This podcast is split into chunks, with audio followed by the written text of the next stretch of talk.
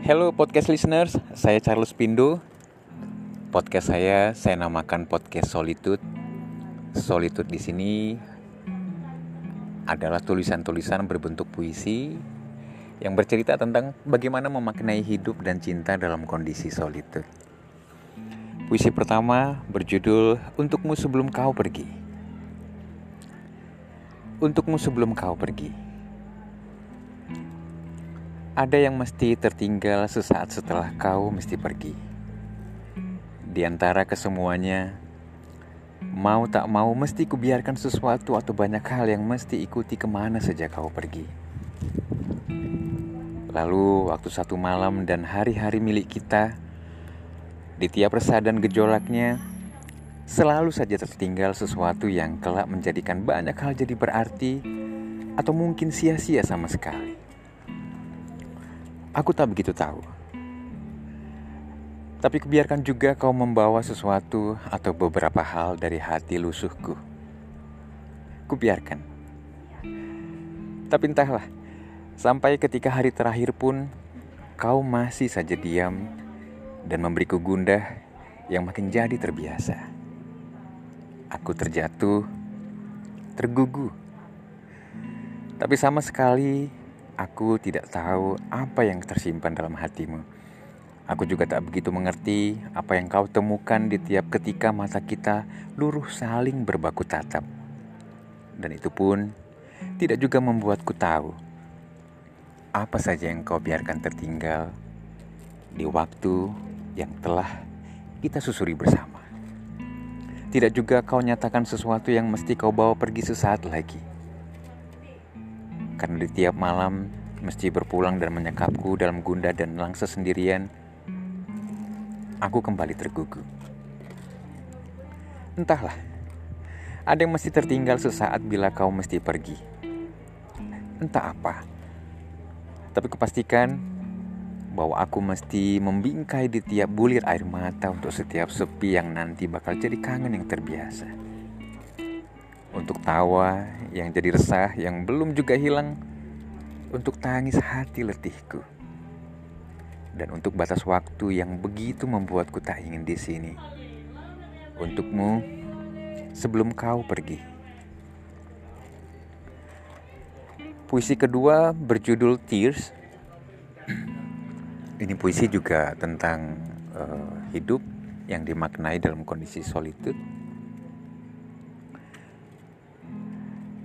Tears, aku tidak bisa tidak meminta kau tinggal diam di sisiku sambil kau tahu bagaimana rasanya takut dalam tangis yang begitu berkuasa.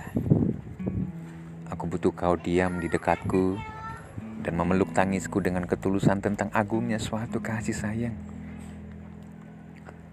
Untukku, aku mau kau melihatiku menangis. Menyungai air mata di sisa-sisa waktu milik kita. Aku juga mau kau tidak tinggalkanku mendekap sedih dan sakit sendiri, lalu membiarkan semesta kehilanganku menjadi puing-puing di antara batu yang retak oleh air mata. Oleh karena kau tak juga mengerti bagaimana rasanya boleh mengasihimu dengan tulus yang paling meneguhkan, tentangmu aku tidak bisa tidak meminta kau menjanjikanku jujur dari hati yang jauh dari kemunafikan itu. Aku hanya bisa meminta kau tahu bahwa aku tidak lagi bisa tidak di dekatmu. Tapi hari ini, ketika kau mesti pergi sekejap nanti, itulah yang paling membuatku ingin menangis. Kau tahu?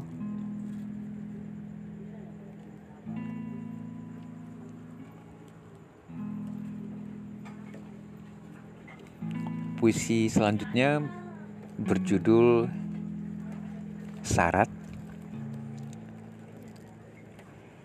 Kangenku pada langit, laut, dan birunya kejora matamu sudah terlalu syarat dan menetak.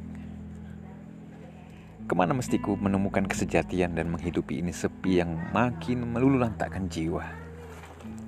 Aku melukisi putus asa dengan tiap bulir air mata, supaya aku tahu bahwa aku hanyalah sisipus yang bodoh Mestinya aku tahu bahwa sebenarnya aku telah kau tinggalkan. Sejak kau membiarkan mimpi berpulang dan menjadi puing yang membingkai sia-sia dalam tiap kehilangan milik kita. Kau tahu, kangenku pada langit, laut, dan birunya kejora matamu sudah terlalu syarat dan menetap. Kau di mana?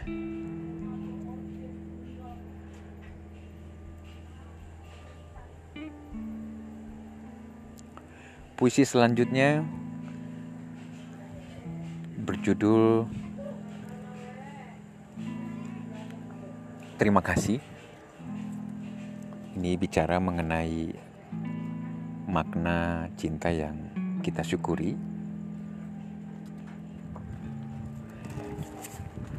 Terima kasih telah menjadi cinta untukku. Cinta yang kuyakini selalu penuh suka dan gemuruh yang menyemesta sejak kali pertama. Cinta yang ku tahu pasti bahwa bersamamu kita tidak akan pernah takluk oleh takut dan letih karena luka dan tersia-sia.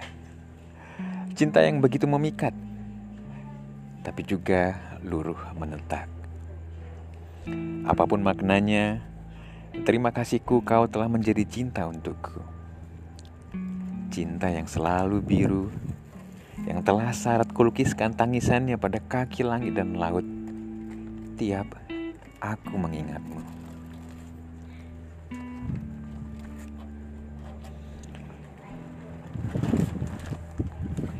Setidaknya kita tahu dengan pasti bahwa langit dan lautlah yang mempertemukan kita dalam kehilangan yang sama letihnya.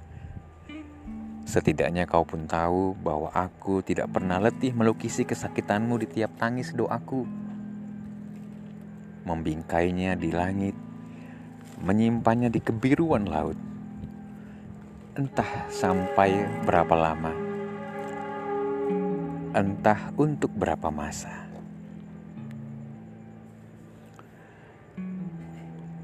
Puisi terakhir untuk episode ini adalah